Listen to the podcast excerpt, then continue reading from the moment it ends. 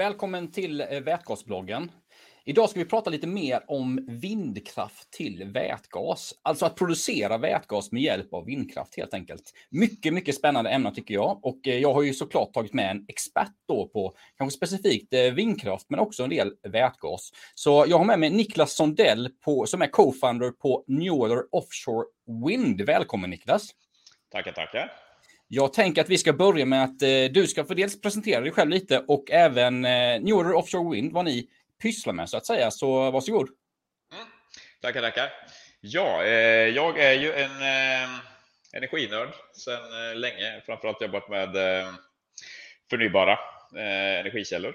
Eh, jobbat i energibranschen sedan 2007 och eh, sedan 2012 har jag jobbat med eh, både landbaserad och havsbaserad eh, projektering av eh, vindkraftsparker. Eh, sedan 2016 i egen regi.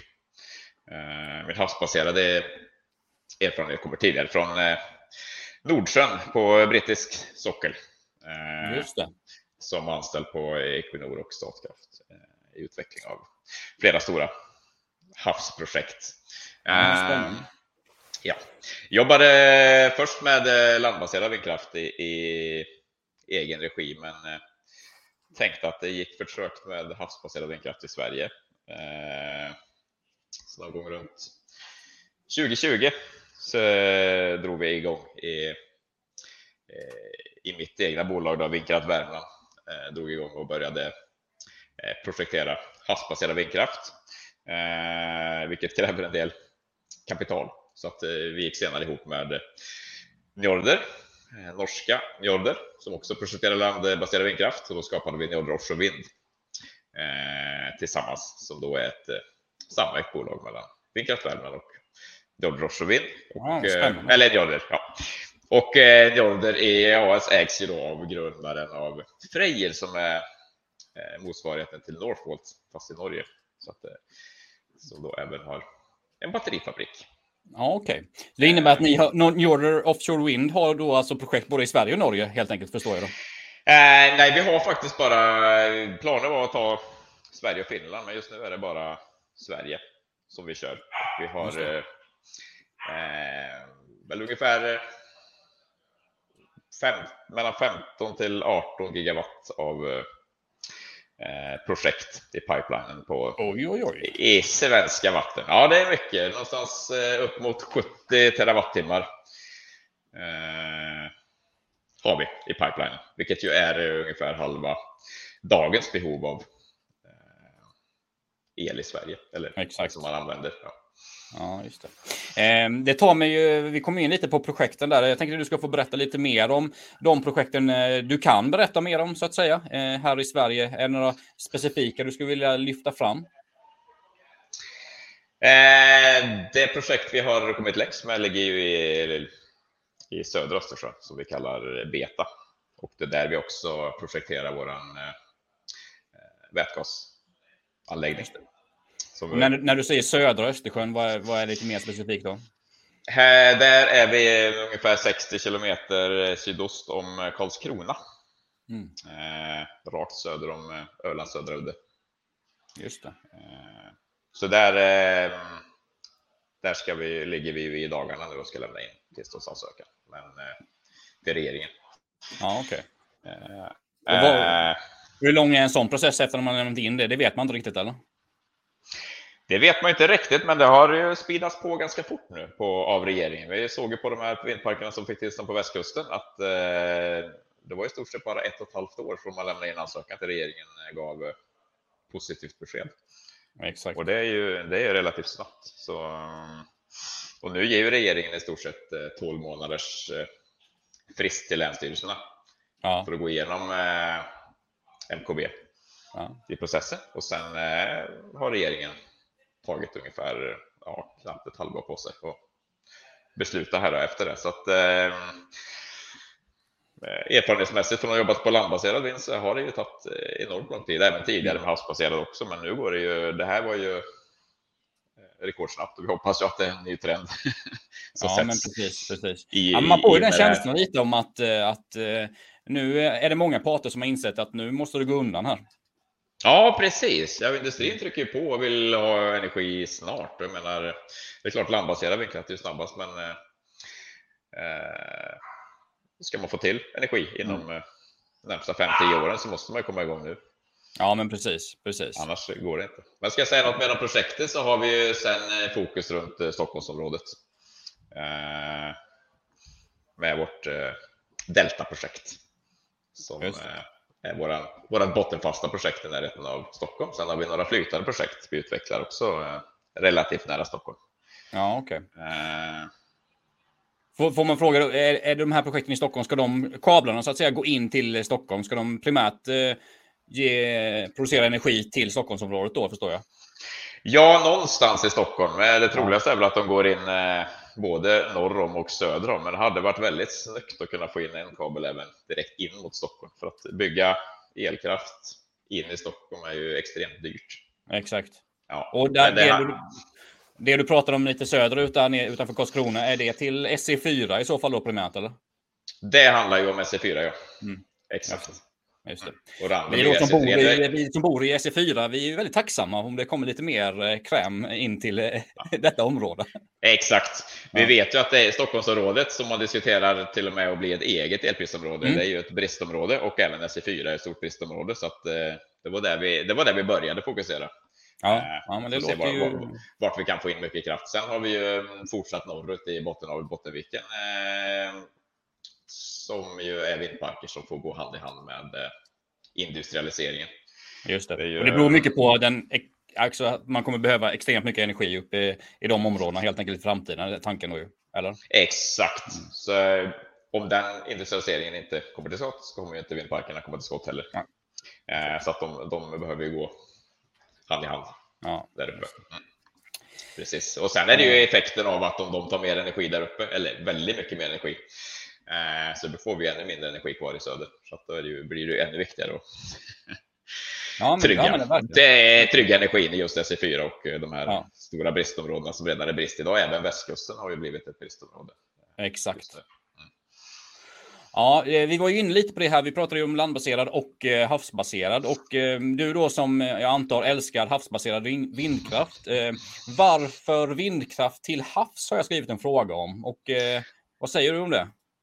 Ja, eh, det är ju framför allt för att eh, vi behöver så stora mängder energi för att kunna ställa om i framtiden. Och såklart är ju landbaserad vindkraft kommer alltid vara billigast och eh, gå lite fortare. Men man kommer inte kunna bygga de extrema volymer av energi som man får till havs. Eh, det går ju att bygga flera av våra parker motsvarar ju både en, två och kanske tre fullstora kärnkraftsreaktorer i, mm i, i produktion. Eh, Beror det på antalet vindkraftverk och även storleken på dem då? Eh, ja, man har ju en större yta att bygga på förstås, men också mycket större vindkraftverk ja. och eh, som inte ens går att transportera på land. Och sen ja, har man ju den, eh, den högre vindhastigheten då. Som, eh, där vi är ligger vi på vindhastigheten någonstans mellan 9,5 och 10 meter per sekund i Norrberg. Ja. Och, eh, på land kanske man ligger på mellan 7 och 7,5. Så att, eh, det gör en enorm skillnad också. Och så är det ju stabilare vind till havs, så att man får ju man får ju mer sällan stillestånd. Så att säga. Mm. Det är vi som är lite, tycker det är väldigt spännande det här med havsbaserad vindkraft, men är ändå lite så entusiaster rent tekniskt. Liksom hur, hur placerar man de här stora gigantiska vindkraftsnurrorna eh, så att säga ute till havs? Tänker du vilken teknik man använder på? Ja, hur, hur får man dem inte att flyta iväg, höll jag på att säga. ja, de bottenfasta sätter man ju oftast, eh, ja, där är grunt. Vi är inte på så många jättegrunda områden för att där är det så stora eh, miljökonflikter. Men där sätter man oftast eh, bara en eh, påle som kallas monopile som man hamrar ner i, i, i havsbotten med hammare. Ehm, det som vi projekterar på våra parker är fackverksfundament. Mer som ett torn med tre eller fyra ben där man mm. sätter en, lit, en liten påle. Lite som en, eh, att man nitar fast varje ben liksom i havsbotten. Nu är de här pålarna också typ fyra meter breda. Så att, men på, när man ser en skiss på dem så ser de väldigt små ut. Ja, men det är ju ehm, det är stora, stora konstruktioner. Men, ehm, men det funkar. Sen finns det ju flytande. Då. Den teknologin är ju inte helt kommersiellt mogen än, men den, den räknas ju komma. Just det. Men den ligger några år bort i tiden? Så att säga. Den ligger längre bort i tiden, ja. ja. Det gör den. Där behöver man framför allt standardisera processer, både tillverkning, logistik, ja, hantering av fundament, allt sånt. Ja. Du, när vi, när vi pratar om då de här stora vindkraftverken då ska ju producera massor av energi och då eh, såklart, då vill man ju veta lite, vi var inne lite på det, hur det ska transporteras in till land med, och det är kablar då förstår jag som ska gå in till land, eller hur? Ja, eh, vi tänker att det är kablar, eh, åtminstone i Östersjön, för att eh, vi ser det som viktigt. Man kan ju annars producera vätgas till havs och driva in det i pipelines. Men eh, vi ser det som viktigt att en stor del av energin också kommer som el i södra Sverige. Så därför eh, tar vi in det på egna kablar eh, in till land. Just det. Där vi kommer koppla på både stamnätet och koppla på eh, vätgasproduktion. Har det börjat komma någon klarhet kring finansiering och sånt för de här kablarna och så? Eller har det varit mycket diskussioner om det? Nej, man, det är väl det är inte beslutat än, men man har ju sagt att man inte kommer bekosta mm. utbyggnad mm. av stamnätet till havs. Men det har inte kommit något nytt uppdrag till SVK. Så att, det är ju lite, ja, det är lite oklart.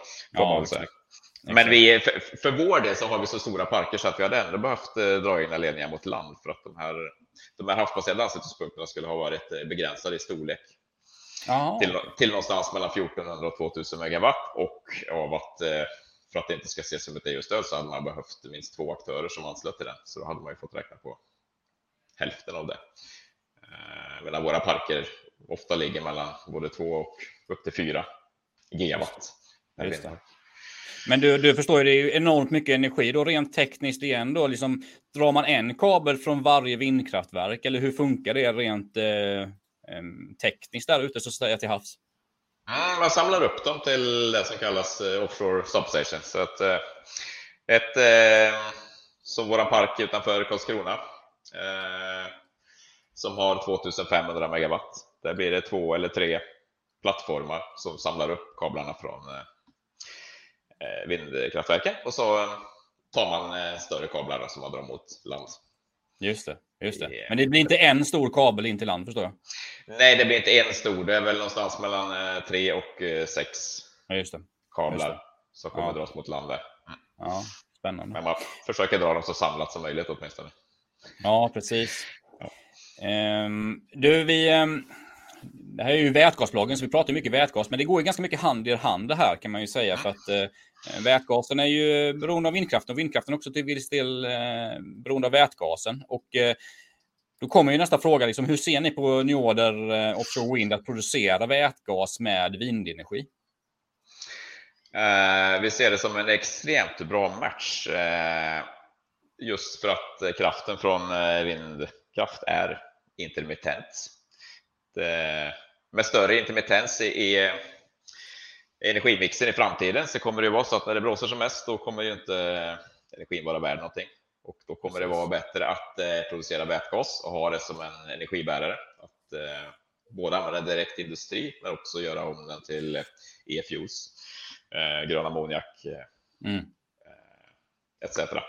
Mm. så att eh, det är ju en den är ju en enormt bra match och vi ser att om, man, om alla vindparker skulle stoppa ut all sin toppeffekt på stamnätet så skulle det ju nästan bli lite överdimensionerat och onödigt. Så att vi ser ju att det, det, det, det är en stor poäng att, att lägga produktionen där, där kablarna kommer in på land och inte liksom sprida ut det. Just det. Eh, så, att, så att man ändå måste använda stamnätet. Och då menar du, när du, ja, du, du förklarade lite där med intermittens för den som inte vet det, då är, det är då vind, när vind, vindkraftverken inte producerar då, eller producerar kanske mindre då så att säga, eller hur? Mm. Och eh, det är då man, man eh, kan ha lagrat så att säga vätgas då, eller? Precis. Vi har ju, vi såg länge på det där i början, hur vi skulle kunna balansera ut eh, effekten från vindparkerna och tänkte att det skulle vi använda batterier till, men det insåg mm. vi till slut att det var ju dömt att misslyckas. På, på havsbaserad vindkraft så är det det blåser väldigt ofta, men eh, mm. när det inte blåser då kan det vara stilla i kanske tre fyra dygn. Det behövs upp till 100 timmars lager med väldigt få gånger, vilket inte lämpar sig för batterier. Det skulle bli alldeles för dyrt. En jättestor lagringsmängd som används väldigt sällan. Det är inte riktigt eh, lämpat för batterier. Så vi började se på vätgas som eh, lagringsmedium istället. Eh, men att lagra vätgasundertryck är också lite mer komplicerat. Så därför mm. har vi landat på att de stora lagringsvolymerna lagras i ammoniak. Mm, och ammon den gröna ammoniaken kommer både exporteras och användas i hamnen och användas som sjöfartsbränsle. Samtidigt som den då lagras i några större cisterner då, flytande. Eh, och vid 30 minusgrader så behöver vi inte ha den under tryck ens, så att den liksom, man kyler ner den lite och sen är den flytande och då kan vi använda den, det stora lagret till eh, den ammoniaken kan vi sedan använda i gasturbiner de få gånger som eh, vindparken inte producerar, så kan vi upprätthålla en viss garanterad effekt. Precis, så det här är ju det pratas ju rätt, eh, ganska mycket om detta, men ni tänker då att om vi säger då att man lagrar vätgas eller ammoniak i det här fallet, då tänker ni att det här ska vara liksom effektlagring. Det ska inte liksom vara lagring att man skickar, skickar ut el på elnätet så att säga, eller? Eh, det kommer kunna vara både och och lite beroende på vad marknaden, eh, vad marknaden efterfrågar. Eh, mm.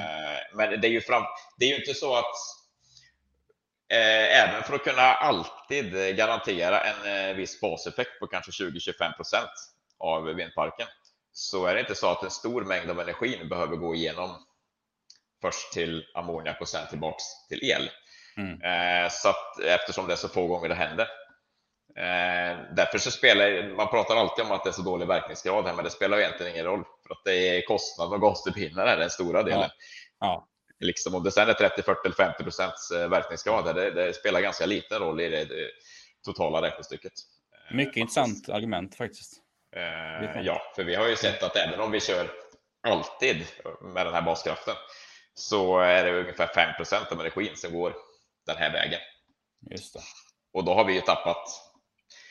Om vi säger att vi har 40 procent verkningsgrad så har vi tappat 3 procent på, på systemnivå. Så då har mm. ju så att med en garanterad baskraft på kanske 500-600 megawatt så har vi en eh, systemeffektivitet ändå på 97 procent. Så, att, eh, ja. så att det blir ju, eh, man får inte stirra sig blind på den där lilla, lilla energidelen som ska gå, som ska eh, gå tillbaka till el. Nej, exakt. Um, vi var inne på lite där också, men vi pratade ju om att de här kablarna då som går in till land då från vindkraft, eh, vindkraftverken i Karlskrona kanske det var en 3 till 6 stycken tror jag du sa. De här, då, då tänker du att eh, de här går in då infrastrukturmässigt till land och där inne producerar man vätgas då. Och då tänker du då att det görs elektrolysörer helt enkelt som står på land då konkret? Ja, det kommer det vara. Elektrolysörer ja. som står på land, exakt. Och, och det, kan, det krävs ju ganska stora anläggningar kan jag tänka mig då elektrolysörmässigt? Det krävs eh, mycket areal eh, mm. för att få till de här. Så att man, eh, och sen vill man ju gärna vara nära havet också, inte hamna för långt från, från kusten. Ja. Ja, det, är så det, är liksom, det är ju de kraven, men hela eh, en hel sån här anläggning eh, med vätgas, gasturbiner, ammoniakproduktion etc. tar ju cirka 30 hektar. Kan man. Mm, okay. Just det. Just det. Men har, har, ni skissat på det också så att säga i, i det här Karlskrona-projektet också? Då, eller? Ja, eh, precis. Det finns ja. eh, tydliga färdiga planer för hur den anläggningen ska se ut exakt, även om jag inte kan nämna exakt. Nej, men jag förstår det. Jag förstår det. den, jag förstår det. Den ser man, ut, man blir eh, lite intresserad, men det är lite affärshemligheter också, förstår jag. Ja, ja, precis. Jo, men så är det. Men det finns en tydlig plan och en en tydlig skiss exakt på hur det här ska se ut. Sen väntar vi fortfarande, som det är nu eh, när det gäller gasturbiner, så har man ju fortfarande inte några gasturbiner som funkar med flytande ammoniak direkt. Nej. Utan eh, vi väntar på den utvecklingen. Och, eh, ja, men det, det sker ganska mycket forskning där nu kring det har jag ju läst om. Det sker väldigt mycket och man börjar ju se att det liksom är en, eh, en av de bästa sätten att få ner kostnaden på det här istället för att omvandla tillbaka till vätgas till exempel. Eller, ja. eh, eller går via något annat. Ska man gå till grön metanol, då måste man ha koldioxid och den koldioxiden ja. kommer ju, oavsett om den koldioxiden är grön så kommer det vara smartare att eh, inte använda den igen. Så att säga. Ja.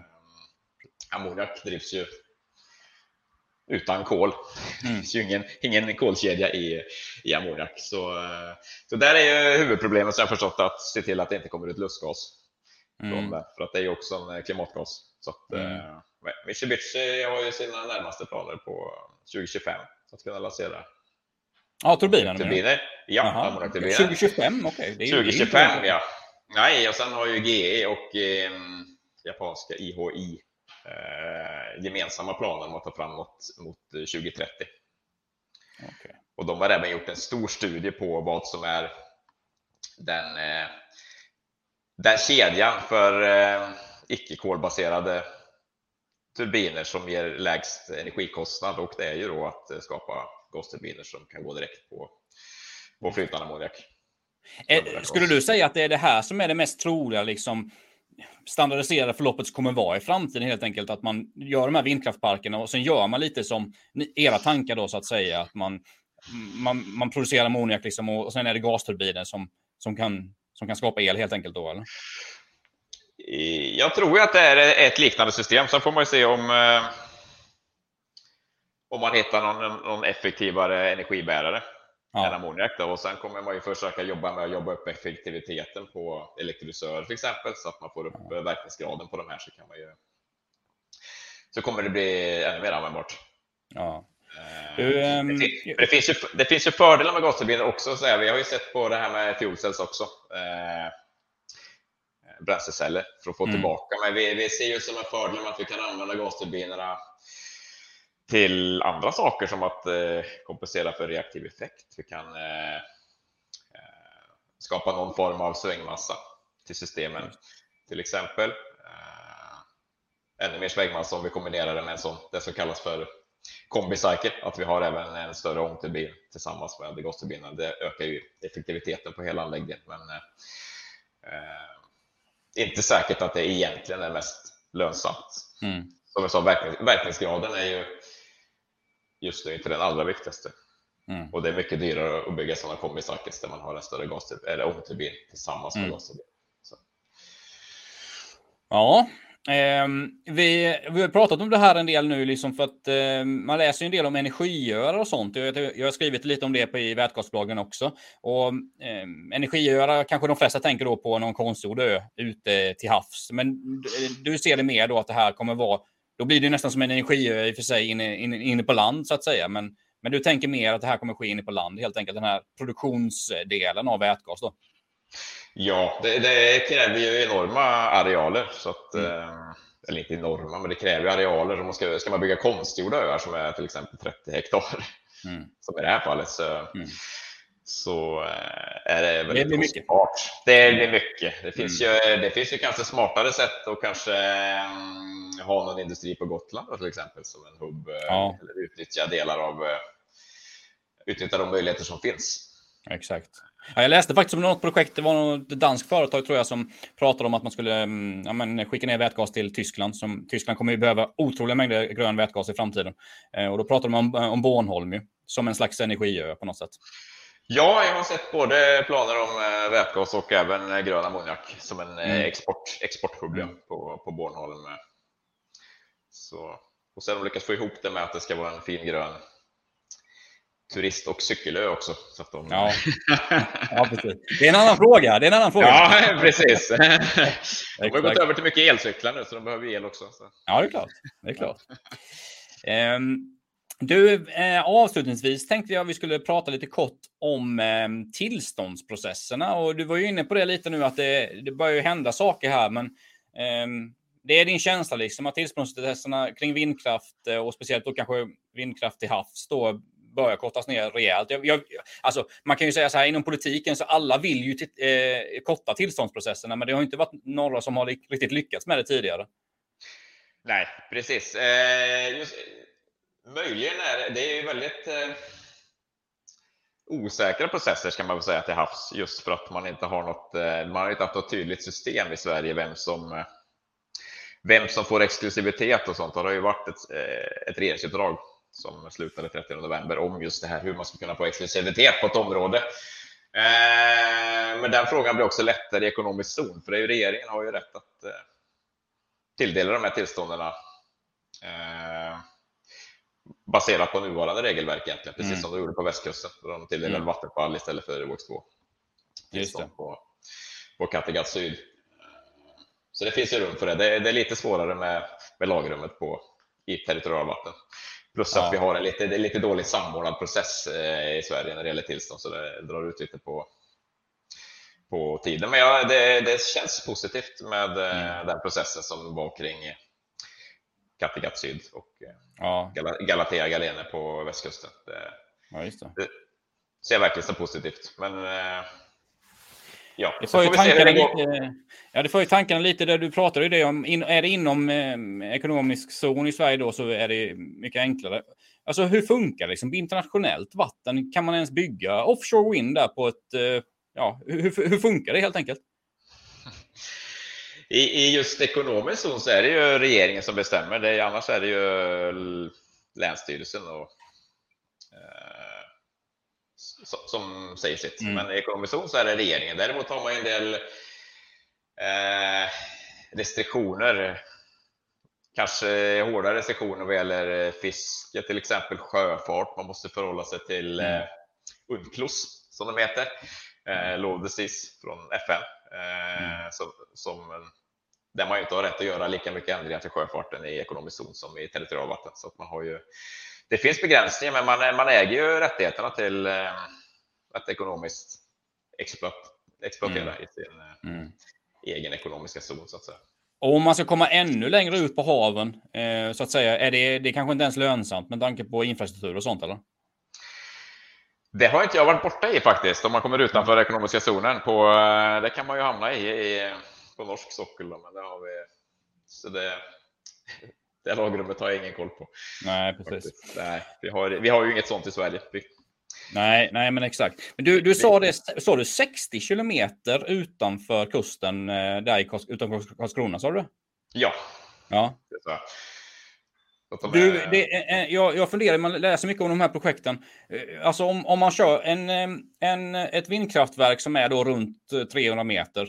Hur, när kan man se det? Hur pass nära måste det vara land för att man ska kunna se det?